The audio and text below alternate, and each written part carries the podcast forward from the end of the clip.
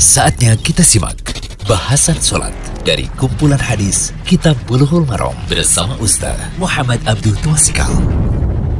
Alhamdulillah, wassalamu ala rasulillah wa alihi wa wasallam. Kali ini kita berada pada audio ke-42 dari kitab Bulughul Maram, kitab solat. Tentang syarat sah solat, masih kaitannya dengan kiblat, menghadap ke jihad atau arah kiblat. Hadisnya wa an Abi Hurairah radhiyallahu anhu qala qala Rasulullah sallallahu alaihi wasallam bainal masyriqi wal maghribi qiblatun. Rawahu Tirmidzi wa qawwahu Al-Bukhari. Dari Abu Hurairah radhiyallahu anhu ia berkata bahwa Rasulullah sallallahu alaihi wasallam bersabda, antara timur dan barat adalah kiblat. Diriwayatkan oleh Tirmidzi dan dikuatkan oleh Al-Bukhari. Hadis riwayat Tirmidzi, Syekh Abdullah Fauzan mengatakan bahwasanya sanad hadis ini dhaif, namun ada riwayat dari Ma'syar tapi riwayat dari Abu Hurairah itu lebih kuat sebenarnya dinukil oleh Tirmizi dari perkataan Bukhari. Ibnu Rajab menukil dari Imam Ahmad doifnya sanad ini dalam sanadnya ada yang doif. Baik, kita lihat faedah hadis. Yang pertama hadis ini menunjukkan adanya kemudahan dalam menghadap kiblat. Ya, kalau kita sudah narik faedah seperti ini berarti kita lihat dari sisi maknanya itu sahih walaupun sanadnya doif. Terus yang kedua, bagi yang jauh dari Ka'bah dan tidak melihat Ka'bah secara langsung bisa menghadap arah kiblat saja yaitu arahnya bukan persis ke arah kiblat yaitu menghadap ke arahnya. E, barat timur gitu utara selatan nah itu namanya arah yaitu jihad.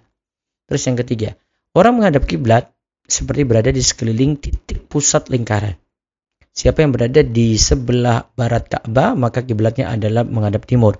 Siapa yang berada di sebelah timur Ka'bah, maka kiblatnya menghadap barat. Siapa yang berada di sebelah utara Ka'bah, maka kiblatnya menghadap selatan. Siapa yang berada di selatan Ka'bah, maka kiblatnya menghadap utara. Siapa yang berada di sebelah tenggara dari Ka'bah antara timur dan selatan, maka kiblatnya adalah barat laut. Ya, kiblatnya itu barat laut. Kalau kita ini ya, berada pada tenggara Ka'bah ini, maka nanti barat laut antara utara dan barat berarti untuk arah kiblatnya. Siapa yang berada di sebelah barat daya dari Ka'bah antara selatan dan barat, maka kiblatnya menghadap ke timur laut antara utara dan timur. Siapa yang berada di sebelah timur laut dari Ka'bah antara utara dan timur ya, maka kiblatnya adalah barat daya antara selatan dan barat. Siapa yang berada di sebelah barat laut dari Ka'bah antara utara dan barat, maka kiblatnya adalah tenggara antara timur dan selatan.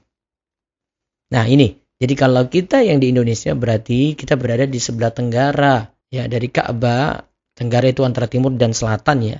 Maka kiblatnya adalah menghadap ke barat laut, yaitu agak antara Serong, pokoknya antara utara dan barat.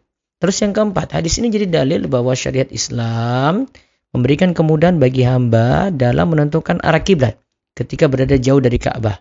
Cukup dengan zon, sangkan kuat dalam mencari arah kiblat. Walaupun tidak persis ya, Terus yang kelima, tidak perlu menyusah-nyusahkan diri dalam menentukan arah kiblat. Siapa yang sudah sholat menghadap ke arah kiblat, sholatnya sah walaupun melenceng sedikit. Karena jika arah saja sudah dikatakan menghadap kiblat. Kemudian yang keenam, bagi yang berada di Masjidil Haram harus menghadap ke Ka'bah persis. Bagi jamaah Masjidil Haram yang tidak melihat Ka'bah secara langsung bisa diberi kelapangan lagi. Bagi penduduk Mekah bisa lebih lagi diberi kelapangan. Lalu untuk kaum muslimin di bagian bumi lainnya lebih diberi kelapangan lagi.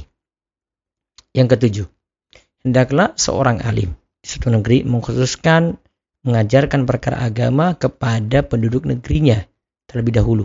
Karena Nabi SAW sampai mengajarkan arah kiblat kepada penduduk Madinah dengan beliau mengatakan untuk masalah buang hajat hadaplah timur atau barat.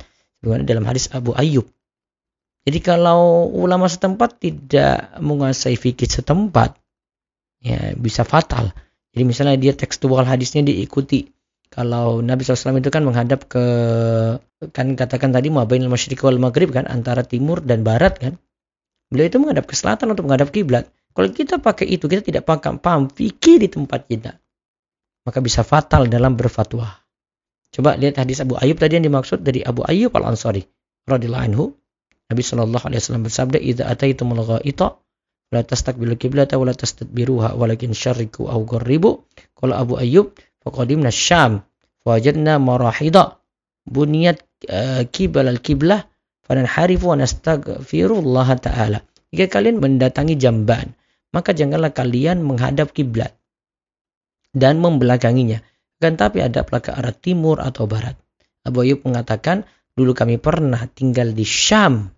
Kami mendapati jamban kami dibangun menghadap ke arah kiblat. Kami pun mengubah arah tempat tersebut dan kami mohon ampun kepada Allah Ta'ala. Lihat, di sini ini ada riwayat Bukhari dan Muslim ya. Ketika di Syam, fikirnya berbeda lagi. Ketika di Madinah, fikirnya berbeda lagi.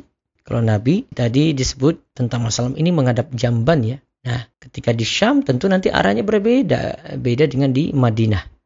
Ya, walaupun memang Syam dan Madinah itu sama-sama utara ya. Nah, ini hampir mirip. Namun kalau Syam dengan Indonesia atau Madinah dengan Indonesia nanti berbeda kembali. Wallahu a'lam bishawab. Semoga jadi ilmu yang manfaat. Demikian bahasan sholat dari kumpulan hadis Kitab Buluhul Marom bersama Ustaz Muhammad Abdul Tuasikal.